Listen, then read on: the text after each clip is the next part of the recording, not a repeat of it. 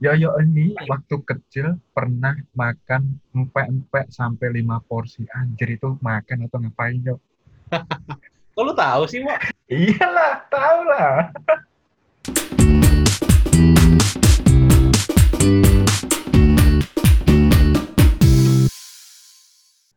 Hai, selamat datang di podcast ini. Kali ini saya bakal ngobrol sama salah satu teman saya. Dulu kita kenal waktu kuliah, walaupun beda jurusan, kita sempat satu tongkrongan. Namanya Yoyo. Uh, ada banyak hal yang menarik dari Yoyo yang kayaknya asik juga diobrolin gitu. Jadi kayak akhir-akhir ini feed Instagramnya Yoyo itu isinya makanan semua. Halo Yo. Halo Bowo. Apa kabar Yo? Baik baik Wo. Gimana kabar? Sekarang posisi di mana ini? Di rumah Yo. Rumah mana? Jogja berarti ya? Yo eh. Wih mantap. Anjuran pemerintah berarti ya? Oh taat Yo. Work taat from banget. home. Eh, BTW Yo. Kamu tuh kerja di sebuah LSM ya?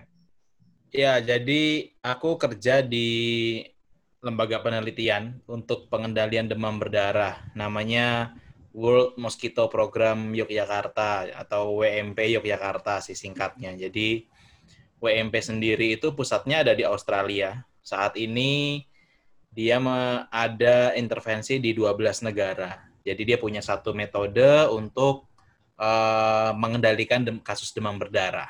Nah, di Indonesia satu-satunya itu ada di masih di Yogyakarta. Oh gitu, malah nggak di Jakarta ya? Belum. Jadi memang di Jogja dulu karena kan ini lembaga penelitian ya. Jadi bukan satu langsung program gitu.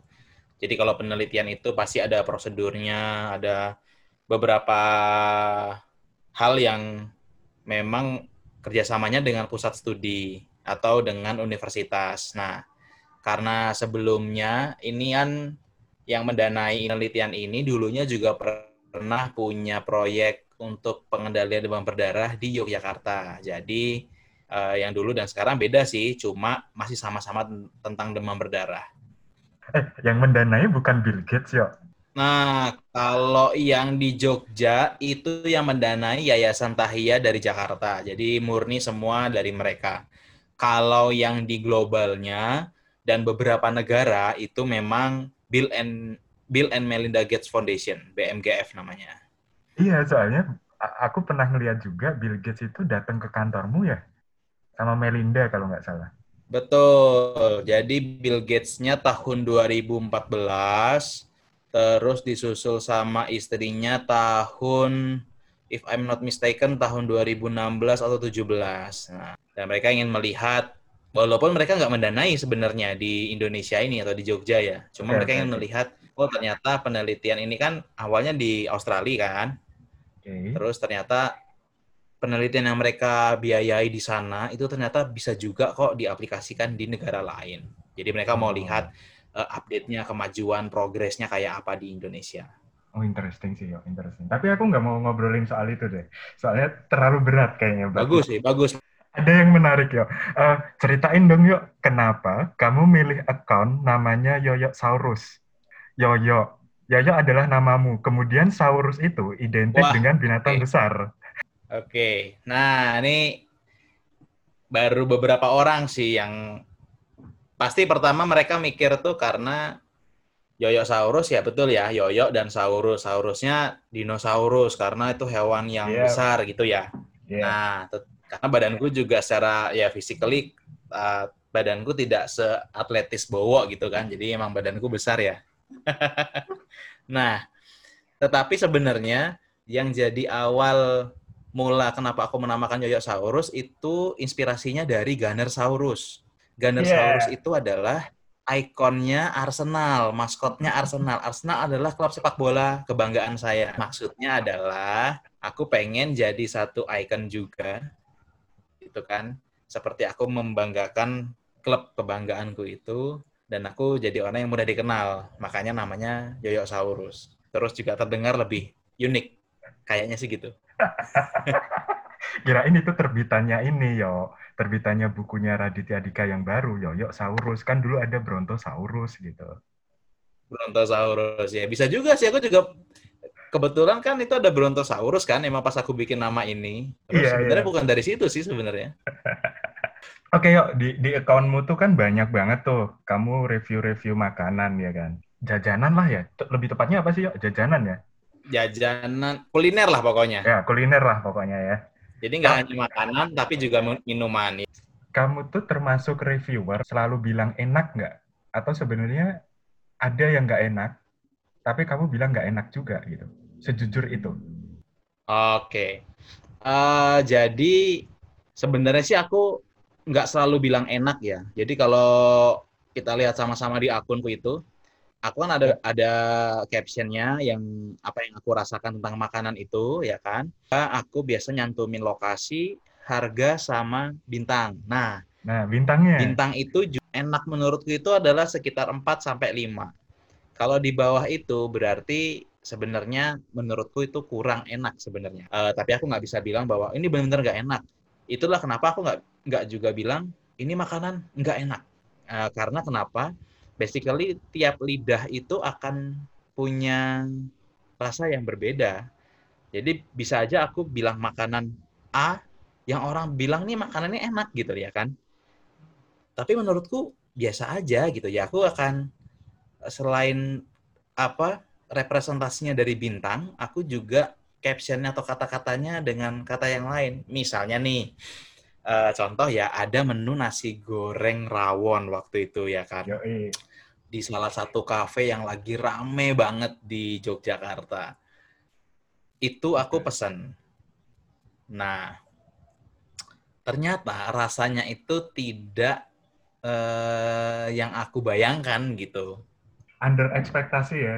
Eh, jadi aku udah, wah nasi goreng rawon nih bakal karena rawon eh, ibuku tuh ada darah Jawa Timur dan sering masak rawon gitu kan yang khasnya sana, khas Surabaya dan Madiun sebenarnya.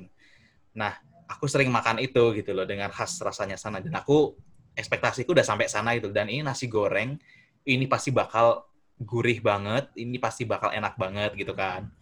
Nah, Dan ternyata memang ternyata- under expectation ya kayak Bowo bilang. Nah, akhirnya di caption itu aku kata-katanya tidak mengatakan tidak enak, tetapi aku mengatakannya rasa yang unik, nggak mainstream. Kayak kalau suka yang nggak mainstream, bisa nyoba makanan ini. Kenapa? Karena bisa aja orang lain suka sama makanan itu, ya kan?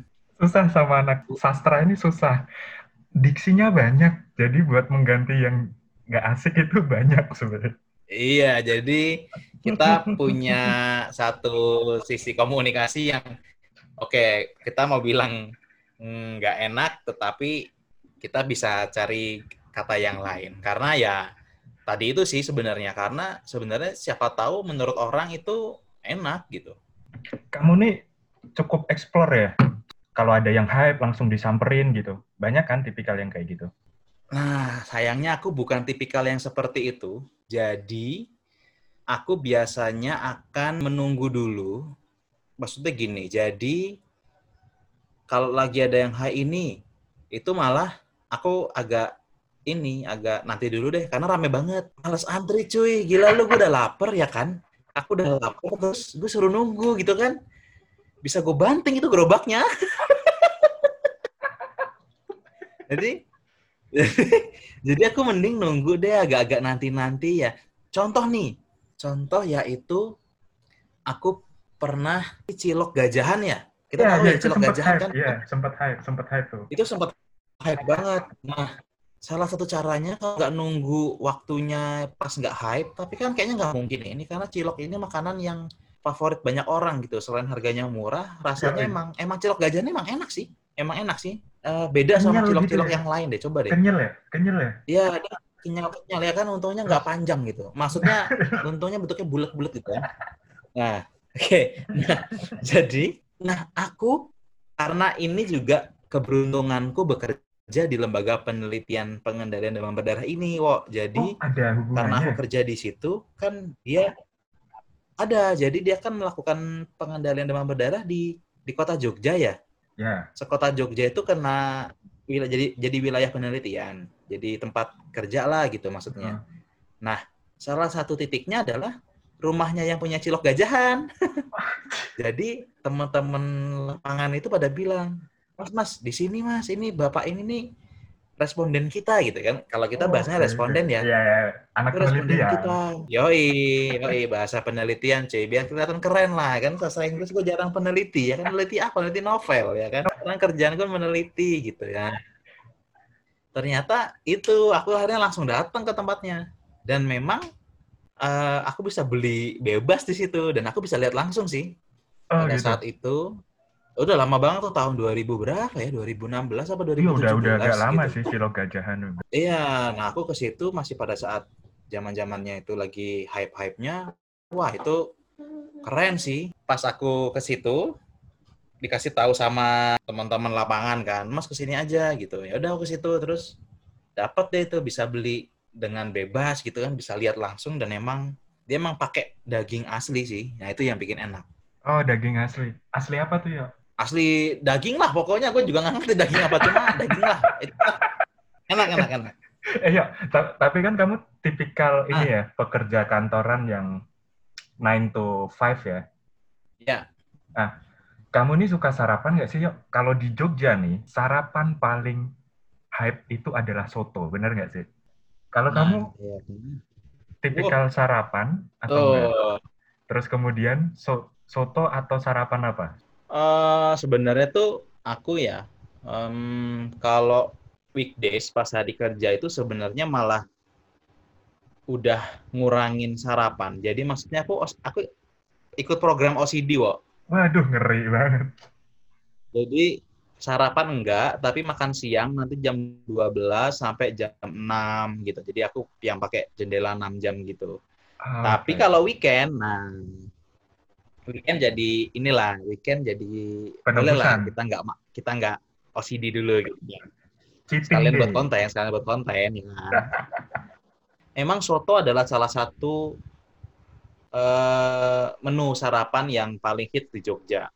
Kalau di Jogja itu kan ada gudeg, itu udah Udah, aku udah. gudeg itu udah apa ya udah kayak makanan khas ya kan makanan khas tapi kan eh, yang kalau orang cari yang seger-seger itu soto. Soto. Nah Jogja tuh banyak banget tetapi memang tipikal soto Jogja itu menurutku sebenarnya agak-agak gimana ya kan dia kuahnya bening ya Bening kalau soto. Jogja itu kuahnya bening dan soto Jogja itu juga banyak Jogja sebelah mana soto Wonosari dengan ayam kampungnya itu enak Cuman kalau ngomongin soto, aku Iya. masih suka itu soto batok ya. Porsinya pas buat aku. Soto batok tuh juga sama bening ya Bening. oh gitu ya tuh kecil loh padahal Iya, pas kalau buat aku mah. Yang penting mah sate sama Iya. ininya, tempenya.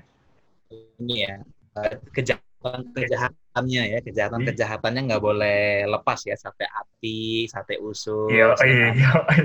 sate sate dagingnya di situ enak sih nah soto soto wonosari juga menurutku karena banyak ya soto wonosari itu juga menurutku khas dia punya satu rasa yang unik Hmm. Tapi kalau disuruh pilih rekomendasi tempat soto, aku itu akan milih ada sekitar 4 atau 5. Nah, pertama Nah, adalah soto sapi? Pak Iwan. Di mana tuh? Ya, Soto sapi Pak Iwan itu ada di Jalan Selokan Mataram. Jadi perempatan Selokan Mataram ke arah Pasar Kutu. Jadi ini Jalan Monjali, ya, ya. selatannya pom bensin Jalan Monjali itu kan ada perempatan. Ya, Nah, ini belok perempatan. kanan ke arah Oke. Magelang. Ya, nggak jauh dari perempatan, paling hanya 50 meter, 30 meter udah sampai kiri jalan, selatan jalan tuh udah ada soto sapi Pak Iwan. ada plangnya tuh. Terus ada lagi, oh ada, ada banget, dan itu udah pasti rame banget kalau lagi buka tuh, dia pasti Oke. rame banget. Udah pasti orang udah tahu deh. Di situ itu ada soto sapi, soto ayam ada, tapi teman-teman harus nyobain, kamu juga wo harus nyobain soto sapinya sama Oh, soto siap. babatnya itu enak banget. Soto sapi campur Siap, asli itu enak. siap. tempe gorengnya ya tahu bacemnya waduh jahat semua itu tuh bisa lebih Ah. banyak itu daripada soto sendiri dan murah nah itu paling ini yang penting. paling utama Itu paling kalau kita penting. makan di Jogja kenapa orang iya kan iya benar Plaza itu bisa nomor dua kalau harganya udah murah jadi harganya udah Yoi. murah enak bisa bayangin gak sih soto daging sapi sama babat campur itu harganya cuma sekitar 9.000 ribu Anjir, murah banget. ya. sepuluh ribu lu masih banget, ya. kembalian Itu bisa dapat Serius. Itu murah dan itu enak dan bapaknya tuh baik banget orangnya, ramah sekali. Itu di situ. Yang kedua, itu aku suka makan di soto ayam Pak Man. Itu Oh, di Sagan. tahu, tahu. Ini Sagan nih kuliner-kuliner pagi sampai malam nih nggak pernah berhenti nih kan. Dekat Mall Galeri. soto Pak dekat Galeria Mall ya, betul, Iya, betul kan? utaranya. Iya, utaranya soto Mall. kuburan gue Soto namainnya. kuburan. Karena dia nempel sama kuburan, kuburan Sagan. Yoi. Yang ketiga itu soto depan stasiun Tugu. Oh, baru tahu aku. Apa tuh? Jalan Lampu Bumi. Aduh, aku lupa Pak Blangkon apa ya namanya ya? Saya lupa. Kan kalau depannya banget kan udah jalan ke arah lampu merah bawah jembatan Kewek ya. Ya, ya, ya. Nah, sebelum pengkolannya itulah, Oke, sebelum oke. pengkolan di kiri jalan. Kan tuh satu arah tuh. Nah, itu kiri Yoi. jalan tuh. Itu Yang- enak. Yang keempat itu soto barokah apa ya namanya ya? Sekarang buka di Jalan Palagan. Itu enak juga. Nah, yang kelima itu sama kayak sama deh, 4 sama 5 kayaknya sama deh, soto barokah juga. Ini di Kridosono. Di Nah, tapi di Kridosono. Itu ada dua soto. Yang soto Madura enak, yang satunya lagi juga enak. Ada pengamennya tuh kalau Oh, yang main musik tuh di situ kalau pagi-pagi. Soto Kadipiro menurutmu gimana? Tesmu bukan? Soto Kadipiro ya itu enak juga, tetapi harganya lebih tinggi. Buat dompet-dompet kaum-kaum pekerja di Jogja, ini kan ya Jogja Iya. itu kota yang nih. Tapi kalau buat pekerja tuh nggak nih. Cukup lah ya, cukup, cukup. Ini curhat ya, ya yang penting cukup lah ya kan. Cukup Masih bisa lah. bikin konten buat makanan Yo, ya kan. Yoi. Yang nggak soto apa coba? Satu rekomendasi yang nggak soto. Kalau nggak soto. Nah, ada dua nih kalau bukan soto. Pertama pasti tadi udah gudeg ya. Ya, Nah, gudeg. gudeg sendiri itu menurutku yang jarang orang dan teman-teman foodies-foodies Jogja Foodies, oke. eh, apa namanya? Iya, foodie, foodie. Jadi sebutan teman-teman reviewer itu dan teman-teman yang sudah melalang buana itu foodies ya. Kalau kita sih Siap. eh, masih merintis ya kan. Jadi teman-teman foodies itu yang jarang mereka ini juga jadi kayak challenge sih buatku ya. Jadi Ah. mereka biasanya kalau udah di situ dan memang tuh terkenal emang enak sih. Itu wajar sih mereka akan mengangkat konten itu. Tapi menurutku masih banyak lagi makanan. Dua di antaranya gudeg yang enak untuk sarapan di Jogja adalah gudeg ceker Mbak Heni. Oh, di mana tuh, yuk? Nggak tahu kan? Itu sekarang dia ada di kuliner Condong Catur tuh apa? Tamkul ya? Tamkul, Taman Kuliner Condong Catur. Taman Kuliner Condong Catur. Nah, di situ enak tuh, Wo. Tuh kalau Oke, pagi, oke. situ cekernya enak. Kalau ke situ minta sama masnya, Mas minta ceker sama dengkulnya. Dengkulnya. Nggak sih? Oh iya, jadi dengkulnya itu dari paha ke ceker itu kan ke kaki ya, itu kan Iya. ada bagian potongan. Yap. Nah, bagian dengkul itu itu suka lepas-lepas dan itu tuh, wih, lembut banget. Oke. Asli enak. Oke, oke. Uh, oke. udah lapar dah kalau ngomong Anjir itu. itu. Dan keduaku adalah gudeg Yumul.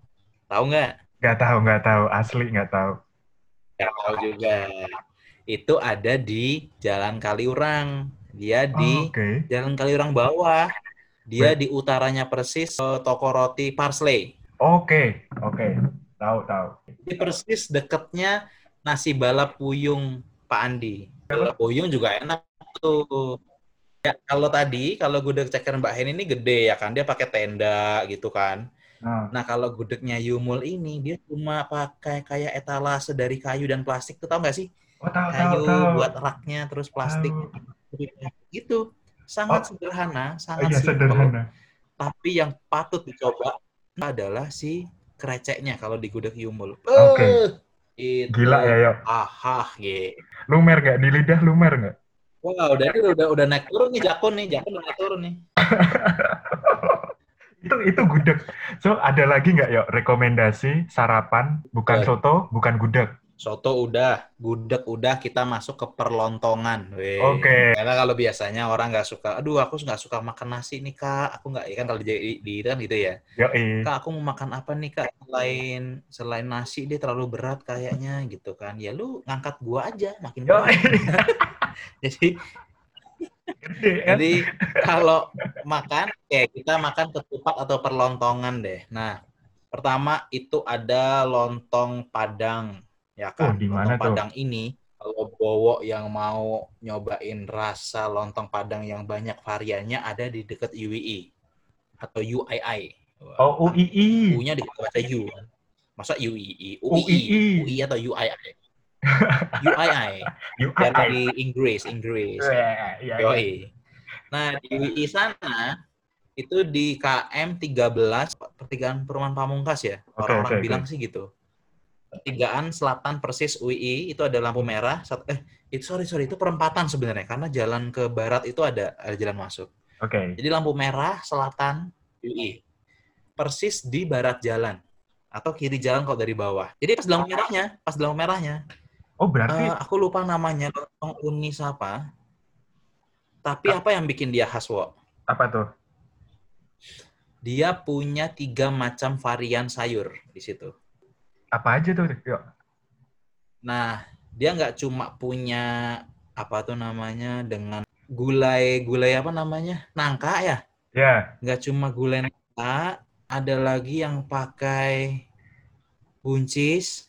Oke. Yang ketiga ini yang paling khas yaitu sayur pakis. pakis. Ah, lo nggak tahu kan sayur Nggak tahu, nggak pakis? tahu, nggak tahu. ya gimana makanya yang Jadi- lain ada sih tapi nggak nggak selengkap itu. Paling cuma pakis-pakis doang. Buncis doang. Pakis itu apa Nah, sih? Gulai nangka yang paling umum ya kan? Hmm. pakis itu adalah eh s- apa ya jenengnya ya? Dia dia warnanya hijau sayurannya. Dan itu memang dipakai orang-orang Minang untuk jadi gulai. Jadi pengganti nangka. Kalau nangka nggak ada tuh kan? Mereka suka ganti dengan buncis. Kalau buncis lagi nggak ada lagi mahal mereka suka mengganti dengan tanaman pakis Oh, Oke. Yo, oke. dari namanya aja pakis, paku. Jadi bentuknya kayak ya kayak paku panjang-panjang gitu, kok. Kayak Oh. kayak buncis sih sebenarnya. Cuma oke, oke. kalau buncis kan mulus tuh, Yoi. ujungnya. panjang mulus gitu kan. Nah, tapi kalau si pakis ini dia punya punya apa sih kayak daun-daunnya gitu loh. Oh, Oke, oke, oke. Nah itu tuh Kebayang sih. tuh. Kebayang, kebayang. Ditambah lagi dengan pical. Hmm, Walaupun hmm, hmm. ini sebenarnya aku agak kurang senang sih dari lidahku. Pical itu artinya pecel. Jadi kayak bumbu pecel tapi khas Padang. Jadi bisa bayangin lontong dengan gulainya dengan santannya itu pedas ditambah bumbu pecel. Gila. Kalau aku sih kurang sih sebenarnya. Tapi orang-orang tuh pada ke situ cuma pengen makan lontong picalnya itu malah. Oh gitu. I'm so sorry, aku lupa nama uninya siapa. Jadi lontong uni siapa. Tapi itu hanya satu ada di situ sampai saat ini. Hmm. Itu di perempatannya Pamungkas tadi, selatan Oke. UII. Lontong masih banyak lagi. Yo, eh. Ada lontong gulai Jalan Kaliurang seberangnya pom bensin Jalan Kaliurang KM6. Jadi selatannya Ring Road. Oke, sebelum ring road lah ya kalau dari selatan ya. Kupatnya, mm, kupat gulai. Kupat Bang gulai. siapa gitu tuh juga yoi. Itu juga enak. Oh, Kupat udah? gulai udah, lontong Padang udah, sama satu lagi wo, lontong? Medan. Di mana tuh? Nah, sekarang kalau teman-teman mau cari lontong Medan, itu bisa ke Warung Prima. Itu ada di Jalan Monjali. Hmm. Apa ya yang paling unik di Jalan Monjali yang dekat situ? Oke, SS Jalan Monjali Oke. itu ke selatan. Oh, ke selatan. Nggak jauh dari situ ya? Selatan nggak jauh, nggak jauh dari situ nanti dia di barat jalan, kanan jalan. Kita udah ngomongin sarapan nih. Oke. Ngomongin makan siang yuk. Yang jadi perbincangan sekarang itu adalah ayam geprek yuk. Twitter, Rame, Instagram, Lambe Tura lagi rame nih, geprek. Rame, Geprek punya artis ya, kita tahu lah siapa ya. Ya, eh. pokoknya pokoknya ada ada sengketa nama brand dari salah satu brand ayam geprek. Ya kan Ah. itu yang di Jakarta ya. Terus yang di Jogja nih juga ada kemarin sempat isu gitu lah. Dirty Chick itu ganti nama tuh ayam geprek. Yang menarik itu bukan di situ yuk. Kalau kita Jadi ngomong apa ya namanya? Aku lupa deh. Iya kan, ganti nama kan? Hmm. Nah, tapi yang menarik bukan di situ ya sebenarnya. Kalau di Jogja itu sebenarnya pelopor ayam geprek menurutku ya, itu adalah burung dan bumade. Walaupun itu belum ke expose kali ya. Belum ke expose lebih luas. Bener nggak sih, yuk? Even sebenarnya teman-teman foodie sudah cukup banyak sih meramaikan mereka. Cuma Ah. memang kalah rame sama yang punya merek ya, yang punya teman-teman artis ya, ya kan mereka eh. uh, punya biaya iklan lebih tinggi ya kan. Tapi Burung dan Bumade itu adalah sebuah legenda pergeprekan di Jogja. Wede. Soalnya apa? Dia nggak cuma ayam geprek. Nih pertama, yang namanya ayam geprek itu haruslah ayamnya ya digeprek dengan cabenya. Bukan itu ayam utuh cuma diolesin sambel. Karena rasanya tuh kayaknya ayamnya kurang hancur gitu. Tuh kayaknya eh, membuncah amarah yang kurang di situ di ayam gepreknya itu kan. Kurang pakai emosi gitu loh, yo. Nah, yang kedua, ini yang paling penting. Ayam geprek nggak cuma ayam geprek, tapi ada kuah tongseng. Yo, Ya, yo, kuah itu. tongseng terbaik sih kuah tongseng. Kita di Burung Bumade dan sekitarnya di daerah Papringan, daerah mana itu di. Berican, ya. Wah, itu tuh tuh ih itu udah bener-bener gak cuma Bumade yang aku coba yang lain sih ya hampir-hampir mirip tapi emang Burung dan Bumade sih emang yang paling yahut lah terus yang makan cakep-cakep wo. Kan Nah, itu, malu Yo. ya dulu kan. Wah, itu yo. buluk gitu. Saya kan buluk ya udah gede buluk hitam hidup lagi ya kan. Terus malu. Lah jadi kalau pas itu pas lagi sepi aja. Ya nggak pernah sepi sih cuma pas lagi nggak begitu rame gitu maksudnya. Jadi makan ngantri deket motor. Sampai pernah nih ya pernah nih wo ya. Jadi kayak ke- menarik nih pas di Bumade apa di Burma aku lupa. Nah itu temanku ini kan berdiri di samping motor nah kita sebut namanya Andri ya kan? Sorry Andri ya. Aduh ya Allah disebut namanya. Jadi si Andri ini kasihan. Jadi si cewek itu kan cakep ya. Terus Eh. Andri tuh udah ngerasa wah pede-pede aja gitu ya. Ternyata Hmm. mbaknya tuh bilang mas ini mas mau ngasih duit. Dikira Andri tuh kan parkir cuy. Padahal kita lagi ngantri. Ngantri kagak ada ahlak mbaknya. di atas motor, Iya. kemudian dikira tukang parkir. Dikira tukang parkir ya Allah. Kesian banget ya. Eh, ya tapi kamu nga- ngalamin nggak waktu di Bu Ah. Dan Bu Made itu kita itu kalau kalau pesen itu sambil ngambil cabenya berapa, jadi terserah kita. Bisa sampai 30 gitu. aku sih nggak pernah ngalamin sampai makan cabai 10 sih. Cuma ya lihat yang orang-orang itu pada cabenya berapa mas? Cabenya berapa mbak? Eh pernah loh ada yang pernah bawa cabai sendiri kan pernah sempat mahal tuh. Cabai Oh ya sempat mahal, sempat mahal. tahun-tahun kita kuliah tuh sempat ada cabai lagi naik. Nah terus cabenya ibu Made tuh kalau nggak salah kecil-kecil. Nah ini si mbaknya nih kayaknya nggak pak nggak puas gitu kan dia bawa cabai sendiri cuy. Gila, gila. serius? Kan nggak cuma Bu Made ya maksudnya di situ kan pe- pegawainya ada beberapa. Nah Ya. si ibu-ibu satunya nih udah ya udah mbak sini mana cabenya gitu. Kocak sih bawa cabai sendiri coba. Aduh ya Allah Eh, ya, tapi berarti kamu setuju kalau aku mengatakan bahwa legenda ayam geprek itu adalah Burung dan Bu Made. ayam geprek aku cukup setuju sama kamu karena memang kita menghabiskan masa iyalah masa muda masa Cie, kuliah kan di sana ya kan Yoi. dan ayam geprek yang terus ternyata dulu kan nggak terkenal ternyata Yoi. begitu itu ayam geprek tahun 2012 2013 itu udah sampai Jakarta karena Ya apa? iparku yang di Jakarta itu ke Jogja cuma pengen nyari ayam geprek. Nah tapi itu kan ayam geprek ya wo ya? Yep. nah kalau kita misalnya nih uh, ngomongin per per ayaman atau per fried chickenan lah wis. Itu tuh selain Jogja punya ayam geprek sebenarnya Jogja tuh punya yang unik-unik untuk fried chicken ini. Aku tahu. coba siapa yang nggak suka sama suaminya tokoh kartun soalnya si suaminya juga punya nama nih di Yoi. si Olive ya kan? Wah ini Olive ini bahkan tahun-tahun berapa ya? 2018 2019 itu sempat menjadi makanan khas Jogja. Sepuluh ribu, dua belas Iya, ribu ya. Eh, eh, jadi orang-orang itu nggak perlu ngeluarin duit banyak, udah bisa makan nasi dengan ayam dengan apa ya bumbu dan rasa yang kayak itu eh, Pak Kolonel fried chicken itu udah seenak itu. Jadi mereka bisa bisa enak makan dengan harga yang murah. Jadi mereka kalau pas mudik kangennya bukan kangenan bakpia gudeg bukan. Mereka kangen olive di Terus- Jakarta di Bandung di Sumatera. Nggak nemu mereka. Di ini ada yo, di Bali itu juga punya brand lokal sendiri untuk ayam itu. iya di Ada. Bali ada ya. Yang brand lokal kayak gitu namanya yang sempat siapa kalau di sempat- Bali aku lupa lu cepuan, tapi sempat sempat hype juga tuh, sempat trending topik juga tuh. oh yang ini bukan yang ada ar- artis Hollywood makan di sana itu bukan iya, sih itu, iya penyanyi itu. apa ya Iya. oh beli beli siapa gitu kan punya beli siapa gitu kan. kalau fried chicken tuh emang di Jogja sendiri itu tuh sebenarnya kayak gini nih ibarat kata mohon maaf nih kita nyebut merek ya ibarat kata kayak eh supermarket itu kita nggak perlu yang namanya Carrefour Hypermart nggak perlu di Jogja mah Mirota udah Udah semua kelar. ada. semua kelar dah sama dengan fried chicken wo Yoi. kita nggak perlu Pak Kolonel kita nggak Hmm. perlu si Ronald ya kan Eh, ya tahu Ronald ya maksud saya ya Ronald tahu. kita udah ada olive, kita udah Kelar. punya rocket chicken, Ya rocket chicken. kita ada dir- dirty chick ganti nama, terus kita punya siapa tuh namanya chicken crush. Wah Wah, itu kalau menu kulitnya, aduh jahat jahat Sama jahat. ini yuk, Asli Preksu. jahat. Oke preksu, bukan si geprek Mas eh, Ruben ya, bukan ya? Bukan. Jangan lupa juga wo, sama yang namanya jokcik.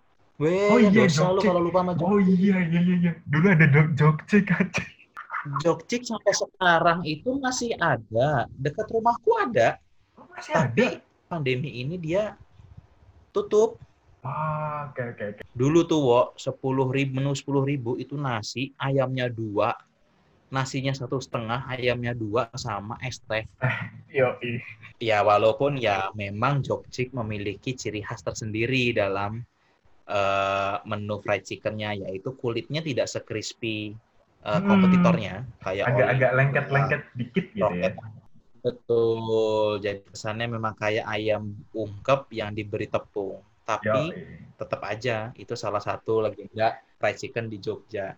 Kalau yang fried chicken satu lagi sih yang udah terkenal, cuma aku sendiri belum ke sana. Itu namanya Cak Yunus. Oh, baru. Udah lama itu, udah setahun dua, oh, udah lama, udah lama banget sebenarnya. Dia itu di Jalan Sultan Agung kalau nggak salah. Bioskop Permata tahu? Tahu bioskop permata. Itu ke timur dikit, kanan Ah, jalan itu ada halte Mhm. Trans Jogja. Nah dia di belakangnya, dia dia nggak pakai saus sambal tapi dia pakai sambal ulek. Wih, Wih, lo seru ya. Itu. Terus itu, aku sih makan kayak gitu di Pati ya. Mhm. Jadi fried chicken tapi sambalnya sambal tomat terasi gitu dan itu enak. Semoga dalam beberapa dapat makan di sana. Oke. Itu wo. Uh, ada yang menarik dari beberapa reviewmu itu salah satunya itu adalah burger yang dijual di kaki lima atau pinggir jalan. Ceritain dong yuk. Eh, aku punya dua referensi buat teman-teman yang mau nyoba burger kaki lima di Jogja. Yang pertama, itu dulu udah sempat aku pernah review tuh beberapa kali dan tahun pertama tuh 2017 atau 2018. Yap. Itu namanya Burger Dinar Wahadi. Sama Burger Mona Lisa. Wah, ini legenda juga. Kayak lukisan. Legenda anak-anak kuliah zaman dulu sih sebenarnya. Yoi, ya karena apa? Karena ini satu menu makanan yang juga indah untuk dimakan. Wede, lukisan itu indah untuk dipandang, punya banyak makna. Burger Mona Lisa itu mungkin maksudnya adalah ketika kita makan ini kita nggak akan pernah melupakannya. Wede, cakep. Nah, Burger Mbah Hadi itu kalau dulu ya kan aku masa kecilku di Jakarta kan eh, SD TK sampai lulus SD. Nah, aku tuh juga sering banget beli burger-burger yang pakai eh, sepeda gitu, Wo. karena aku kerja di sekitar UGM, aku sering banget lihat simbah ini gitu loh. Nah, akhirnya aku ngajak istriku, yuk kita cobain deh. Itu belum banyak eh, rame tuh, Wo. Itu aku posting tahun 2018 awal kalau nggak Hmm. salah deh. Aku sangat senang karena dan banyak sih teman-temanku bilang sendiri sih, wih, dulunya belum pernah lo diangkat simbah ini. Ini Iya. pas kamu ngangkat jadi rame dan banyak yang nanya. Ya alhamdulillah sih, maksudnya itu salah satu tujuanku sebenarnya nge-review beberapa makanan buat perpanjang apa ya lidah jadi biar orang juga tahu sebenarnya banyak banget kok hidden hi- atau hidden games gitu ya Iya, hidden hidden game. games yang ada di Jogja buat makanan gitu loh. Nah, salah satunya adalah atau salah duanya adalah burger ini. Burger Bahad Wahadi atau burger Dinar namanya. Itu Simbah ini orang Bantul, wo. kontrakannya itu atau kosnya di Jalan Kaliurang Atas. Hmm. Sekitar dekat rumahku sebenarnya. Oke. Nggak, nggak jauh, jadi KM KM 11 12 gitu. Nah, pernah ada satu cerita nih, wo. Simbah ini itu kasihan, dia pernah mau pulang ke Bantul kan, karena ada harus pulang gitu. Dia Oke. kecelakaan. Oh fuck. Dia kecelakaan, dia ditabrak sama motor karena pulangnya malam-malam banget. Oke.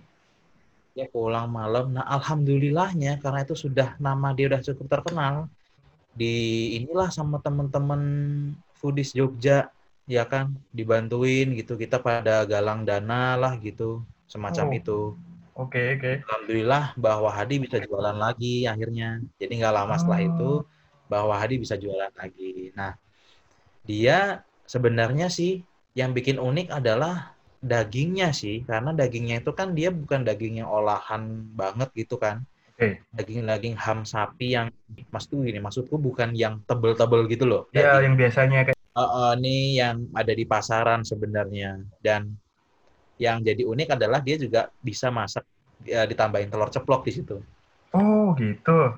Terus si rotinya diikut dipanggang juga di situ. Rotinya itu yang bagian luar itu crispy, agak-agak crispy. Hmm, Jadi ini, hmm, ini hmm. unik nih. Kalau yang beberapa lain misalnya kita sebut aja lah Mr. Burger, hmm. ya kan? Daging dia tebel. Yap. Eh, hanya saja si siapa rotinya ini dikukus modelnya. Oh iya, beda. Nah, kalau si bawah hadi ini dia dimasak juga rotinya. Bolak-balik Oke. lagi dimasaknya. Jadi semuanya panas. Jadi si nggak cuma dalam tapi bagian luar dan luarnya itu jadi lebih crispy. Eh, roti bakar Gitu. ya, yo? Karena jadinya sih gitu. Cuma enak. Pagi itu dia ada di sekitar Superindo. Gimana tuh? Superindo Jakal. Oke. Dia ada di situ baik barat jalan atau timur jalan. Nanti Bowo kalau udah agak-agak siangan, dia agak ke atas. Dia lama-lama agak ke atas nih Simbah ini. Oke. sampai di Gereja Banteng. Hmm. Kalau udah sore dia ada di sekitar Alfamidi, Alfamidi Jakal. Nah, pernah aku lihat dia malam habis maghrib itu ada di WS, Jalan Kaliurang KM 11. Pokoknya ada warna gerobak sepeda warna kuning, itulah Mbah Wahadi. Kalau teman-teman nggak percaya, Mbah tanyain aja. Mbah Wahadi bukan. Kalau bukan nggak beli nih. Oh, jangan dong, kasihan. Tetap beli aja nggak apa-apa. Eh, tadi kalau Mbak Wahadi itu kisaran harganya 8.000 sampai 12.000 apa ya, Kak? Mungkin sekarang naik Murah dikit lah ya. Mungkin sekitar 10.000 sampai 12.000. Murah-murah. Eh, masih sangat terjangkau sih untuk Hmm. burger kayak gitu dengan udah tambah telur, kalau tambah telur tambah 2.000 atau 3.000 gitu. Yang. Mona Lisa dong, ceritain dong. Nah, Bisa. eh Mona Lisa itu baru kapan ya? Aku baru dua minggu atau tiga minggu yang lalu beli di sana, wo. Di mana sih tuh, yuk, tempatnya? Lo, dia itu ada di UGM. Dia ada di Utara Bank Mandiri, UGM. Oke, oke. Oke, I know. Oke. Nah, kalau burger Mona Lisa ini secara price dia eh, cukup mendekati harga burger-burger yang sudah cukup mainstream sih. Hmm. Kisaran harganya 18.000 sampai 20-an ribu. Tapi wo, yang perlu digarisbawahi adalah ketebalan dagingnya. Oke. Beda. Dia daging olahan yang dia olah sendiri. Oke. Jadi rasanya kayak galantin, tebel banget. Segede ukuran si bunnya itu, rotinya. Oke, oke, oke. oke. Eh, yuk. Oh. Eh, kamu ada rekomendasi nggak sih, yuk, buat teman-teman yang di luar Jogja yang someday bakal main ke Jogja? Ada rekomendasi nggak? Wah, banyak banget. Dari ini, yuk, daging. Eh, Yang suka daging. Kalau yang suka daging, tentu kita tahu namanya sate kelatak, ya kan? Yoi. Nah, sate kelatak itu teman-teman yang mau ke Jogja, misalnya punya teman saudara atau nginep di hotelnya nggak terlalu ke selatan, teman-teman bisa nyobain ada di dua tempat. Yang Gimana rekomendasi sini menurutku ya, yang aku udah pernah nyoba. Yaitu pertama adalah sate kelatak Pangestu, Jalan Damai. Terus ada lagi di sate Pak JJ Jalan Jombor. Eh, Oh, iya, Jalan tahu. Jombor di sekitar. Oh, oh, Jalan Magelang, Ring Road itu. Nah, itu sate kelataknya enak. Tapi kalau yang di selatan, teman-teman juga bisa Nah, ada sate Pak Bari ya kan yang udah uh, jadi AADC. Dulunya tuh beliau belum begitu terkenal, wo. Ya, udah itu terkenal di yang orang orang orang tahu lah. Tapi favorit begitu kita, tahu ya. jadi sama AADC, yoi betul banget. Makanya kan tempat kita makan di sana dulu kan. iya. Begitu udah ada ADC, aduh ya Allah antrinya. Nah, teman-teman juga yang mau buat makan sate kelata, ini jangan pas posisinya lapar banget. Bahaya, Iya, iya, bahaya bener, cuy, bahaya. Bawaannya bisa emosi kalau lapar, bisa bisa kelataknya dibalik jadi apa gitu ya kan satenya ntar bapaknya kasihan yang ngipasin kan. Iya. Kenapa gitu? Karena sate kelata ini masih masih sangat tradisional karena kan dia daging dikasih bumbunya hanya garam Hmm, ya kan dan bumbu-bumbu air yang gurih itu yap, ketika yap. garam itu ditaruh atau ditaburkan di atas sate kelatak dia akan kelatak-kelatak-kelatak gitu dan dengan tusuk satenya yang unik yaitu menggunakan jeruji besi Oke. Nah, ini di mana pun sih Wok menurutku memang masaknya cukup lama sih Emang, emang, emang. Butuh Iya, kesabaran. jadi gitu. memang karena memang tradisional sekali. Gitu. Terus juga ke selain sate kelatak ada tengkleng gajah. Tengkleng gajah sih menurut itu masih sangat worth it untuk didatengin sih karena dia nih eh, gede-gede Iya, iya. ya kan. Terus kuahnya itu yang enak. Hmm. Kalau pesan di situ sih menurutku yang paling enak tengkleng tongs, tengkleng di tongseng apa ya kalau nggak salah ya. Tengkleng gajah yang di tongseng. Itu ada ada ada menunya tulisannya kayak gitu. Oke, oke, oke, oke. Itu enak. Eh Ini ya, Terus kalau persate, nah, eh, ayam bah cemplung. oh ayam, daging ayam, daging ayam. Nah, tadi dulu nih.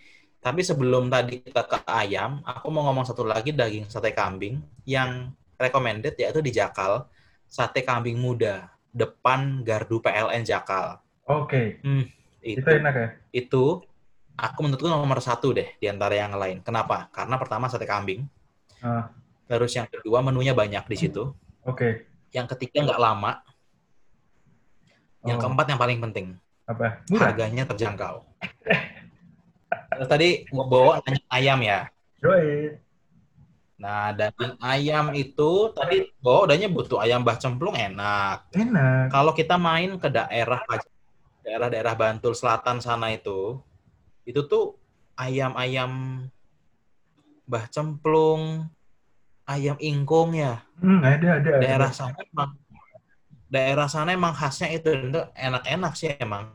Enak banget, yuk. Juara lah kalau di sana. Oh. Ay- Heeh. oh, nyobain deh. Kalau ke terus Jogja juga itu, ada lagi ayam butini. oh, di mana tuh? Ayam butini itu di depannya Cak Yunus, seberangnya. Serius, itu enak itu.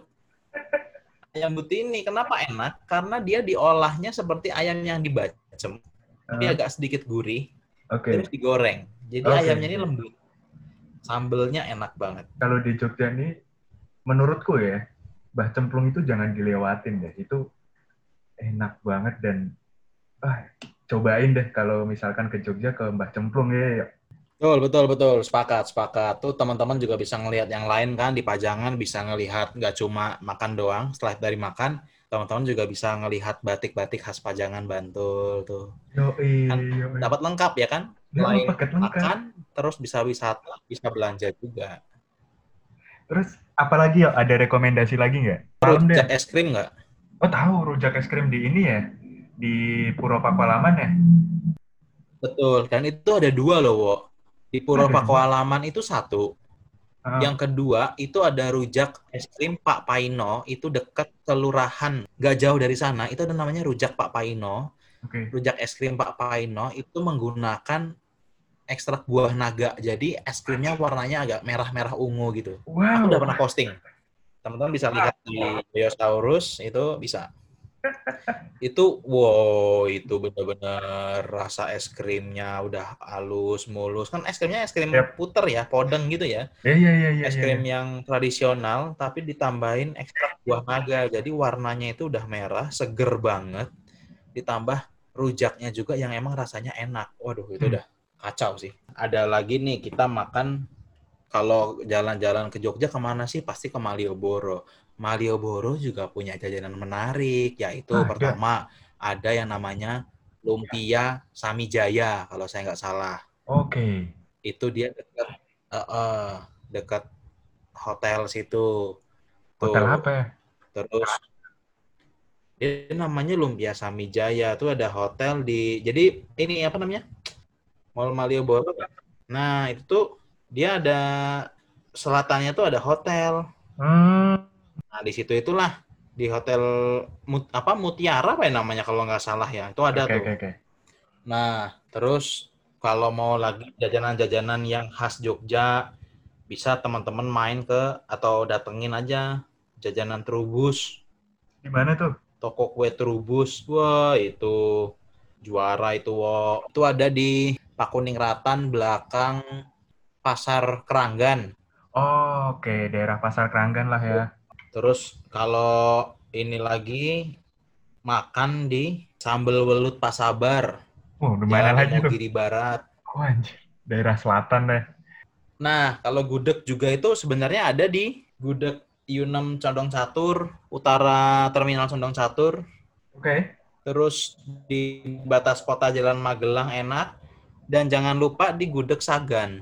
Weh, Oh iya, Gudeg gudeg Sagan, Sagan. tuh Jangan sampai juara lupa tuh. juga. Wo. Kalau nggak suka makan gudeg, nggak suka makan nasi, mau makan mie ada, mie ayam Iya.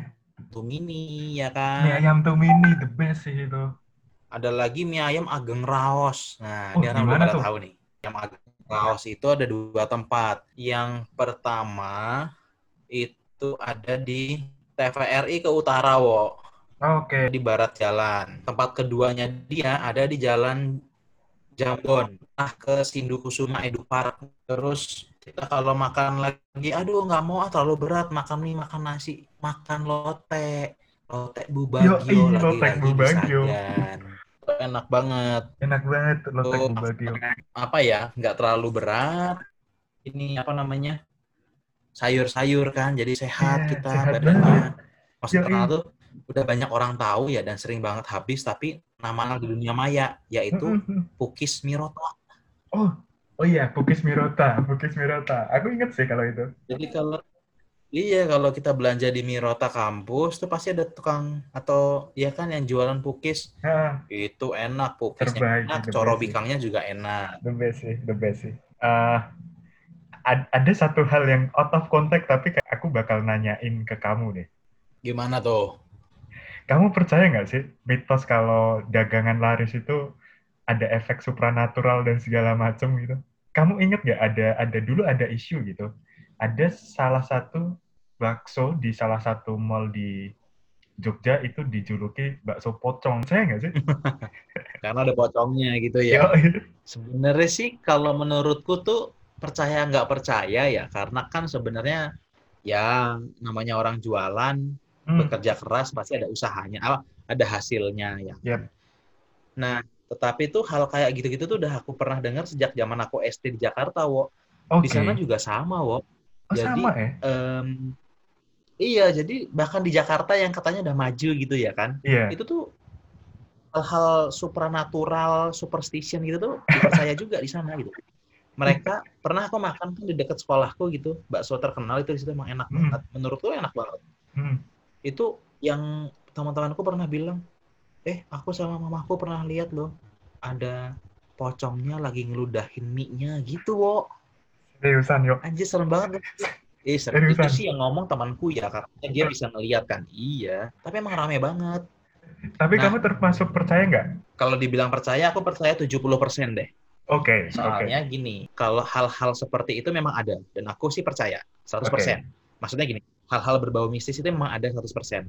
Tetapi apakah digunakan untuk makanan?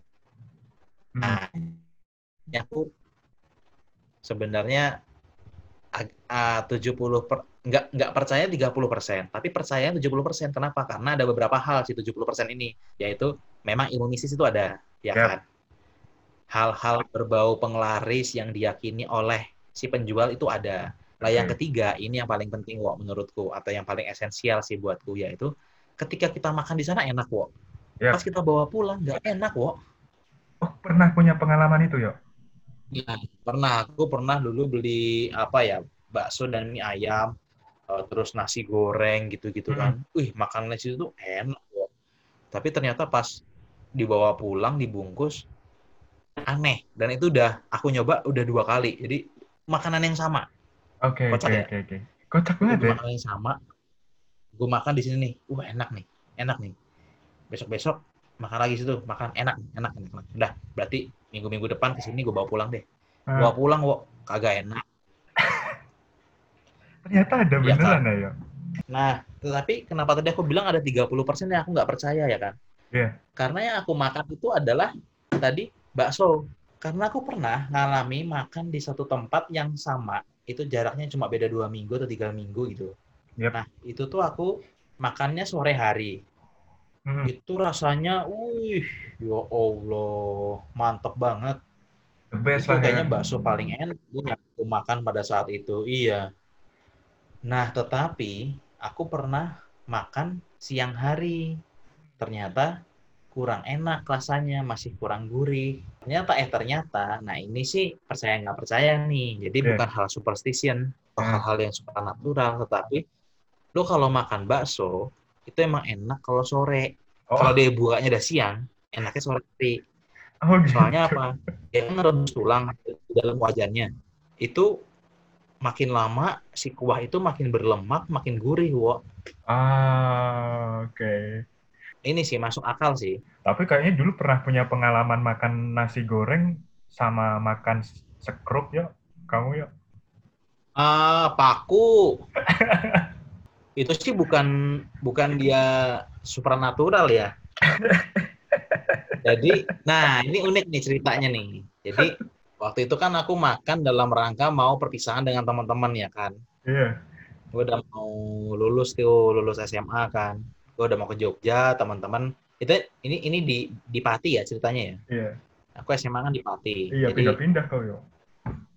oh, oh, nah itu aku sana sih terus aku kan aku mau ke Jogja nih kamu di Semarang kuliah di sini dah kita perpisahan kita makan di tempat inilah favoritku jadi aku dulu emang dah- dari zaman dulu punya tempat favorit gitu loh dan Yoi. suka banget emang ngerekomendasi tempat makanan dari dulu Oh, emang Nah, emang udah ini ya? rekomendasi mak- Mendarah daging makan tuh kayaknya.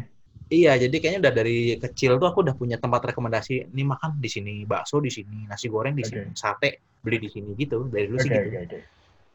Nah, si nasi goreng ini tuh emang nasi goreng favoritku di Pati dan salah satu nasi goreng terenak yang ada di Pati Jawa Tengah. Satu kabupaten, gue bayangin loh. Salah satu yang enak tuh di situ. Nah, pas aku makan, kunyahan keberapa gitu, keraup gitu kan. Waduh, ternyata paku wo. Gue diemin aja kan, masih rame nih orang-orang beli ini kan. Terus, dah, gue makan lagi wo. Udah mau ini itu baru dua sendok tadi ya. Nah ini sendok yang mau ke setengah lah, paling maksudnya setengah piring gitu. Jadi belum habis makananku. Krauk lagi, wo. Ganti yang kiri yang kena. Gigi gue pecah dua-duanya belakang. Alhamdulillahnya kan nggak kena, nggak masuk mulut ya, nggak eh, nggak masuk tenggorokan ya. Nggak, Iya, nggak iya. ketelan maksudnya. Iya, iya. Lo bisa bayangin dong, lo kalau gue nelan itu gimana ceritanya ya kan? Iya, iya, iya. jadi kuntilanak kali ya kan kan bisa pindah ada ubun-ubun gimana coba terus gue tanya dong wo aku tanya dong ke si masnya ini kan udah kenal banget gitu kan mas Yoi. nasi gorengmu ini ada pakunya loh mas gue bilang Hmm. gitu kan ya aku ngomong ternyata agak kenceng ya agak emosi ya, gigi Ya gue pecah dua-duanya belakangan. Nah, yang lagi makan pada berhenti semua cuy di situ. Hah? Gitu, wo. Kan lesehan tuh. Lesehan itu. Itu ada sekitar 10 atau 12 orang di situ. Pada ngeliatin semua. Wut, Eh. yang di atas motor juga sama. Ngeliatin Bubar. semua. Ah, dia shock kayaknya. Nah, dia shock dan dia mengatakan hal yang aku tidak menyangka. Aku kira dia akan minta maaf atau apa Ya. gitu kan. Ternyata enggak. Apa tuh? Ternyata dia malah nyalain aku. Jadi dia bilang, wah kamu tuh yang bawa tuh gitu wo lah dikata gue ikut jualan goreng kali ya kacau ini Gokil. Yoyo ini waktu kecil pernah makan empek-empek sampai lima porsi. Anjir itu makan atau ngapain, yo? kok lu tahu sih wo Iyalah, tahu lah. waktu itu umurku masih empat tahun wo Ya. jadi di Jambi itu ada istilahnya tukang pempek atau kita nyebutnya mamang dia pakai bakul ya kan eh kok pakai bakul kayak apa pikul pikul Iya, iya, iya. Pakai pikul dengan satunya adalah wajan penggorengan, satunya lagi adalah isinya pempek semua. Satu porsi itu satu mangkok kecil isinya Hmm. tiga pempek. Terserah nih, lo Ya. mau pempek, bisa ada, ada empat macam kalau nggak salah. Pempek Lenjeran. adaan yang bulat, lenjer yang panjang, Uh, uh, terus ada kapal selam kecil yang isi telur, Yap. terus ada kulit. Nah, Yap. itu keriting. Itu tuh wah, wah, udah enak banget nih. Itu ada satu porsi isinya tiga. Dan Yap. aku menghabiskan lima porsi. Gila, Berarti gila, 15 pempek. Umur 4 tahun. Serius. Orang-orang juga heran. Dan si Mamang itu, orang tua aku kan emosi ya. Karena Eh. Mamangnya tahu gue makannya banyak, Mamang itu udah ngedekem di depan rumah cuy. Dia nggak ke mana-mana. Udah ada si calon korban ya kan. Marketnya. pembeli gua nih yang paling keren ya anak kecil ini bisa lima porsi gitu. 15 pempek gua makan umur 4 tahun. Dengan cukanya. Itu tadi kenapa aku rekomendasiin makanan yang mesti rasa-rasanya gurih-gurih pedes ya. Iya. Sarapan lontong padang ya. Iya, Karena iya. lidahku Sumatera dari banget. kecil udah lidah Sumatera. Nah, aku sering pindah-pindah sekolah jadinya aku sering banyak makan dan ternyata semua makanan menurutku hampir semuanya enak. Oke, eh, seru banget sih, yuk. Thank you banget, yuk. Udah nyediain waktu buat ngobrol-ngobrol. Jadi semoga obrolan kita ini tadi banyak uh, hal-hal menarik yang orang belum banyak tahu atau malah orang sebenarnya udah tahu juga sih, cuma belum sempat ke sana. Tadi kan udah kita udah sampai ada arah-arahnya di mana gitu kan udah cukup jelas ya. Semoga uh, teman-teman yang nanti udah pada main ke Jogja pada saatnya juga selain itu membantu perekonomian Jogja kembali jadi pulih. Yoi. Harapannya Yoi, gitu sih. Harapannya gitu sih. Terus, yuk kalau mau ngelihat inimu, Instagrammu, akunnya apa, yuk? Uh, at Yoyoksaurus Y O Y O X Aurus disambung semua. Kalau mau main ke YouTube boleh Yoyo Yoyoksaurus channel, tinggal tambahin Oh, channel. Thank you banget, yuk, waktunya. Sampai jumpa lain waktu. Aku juga senang banget berbagi di sini. Oke, teman-teman. Tetap jangan lupa pakai maskermu untuk melindungi sekitarmu. See you again.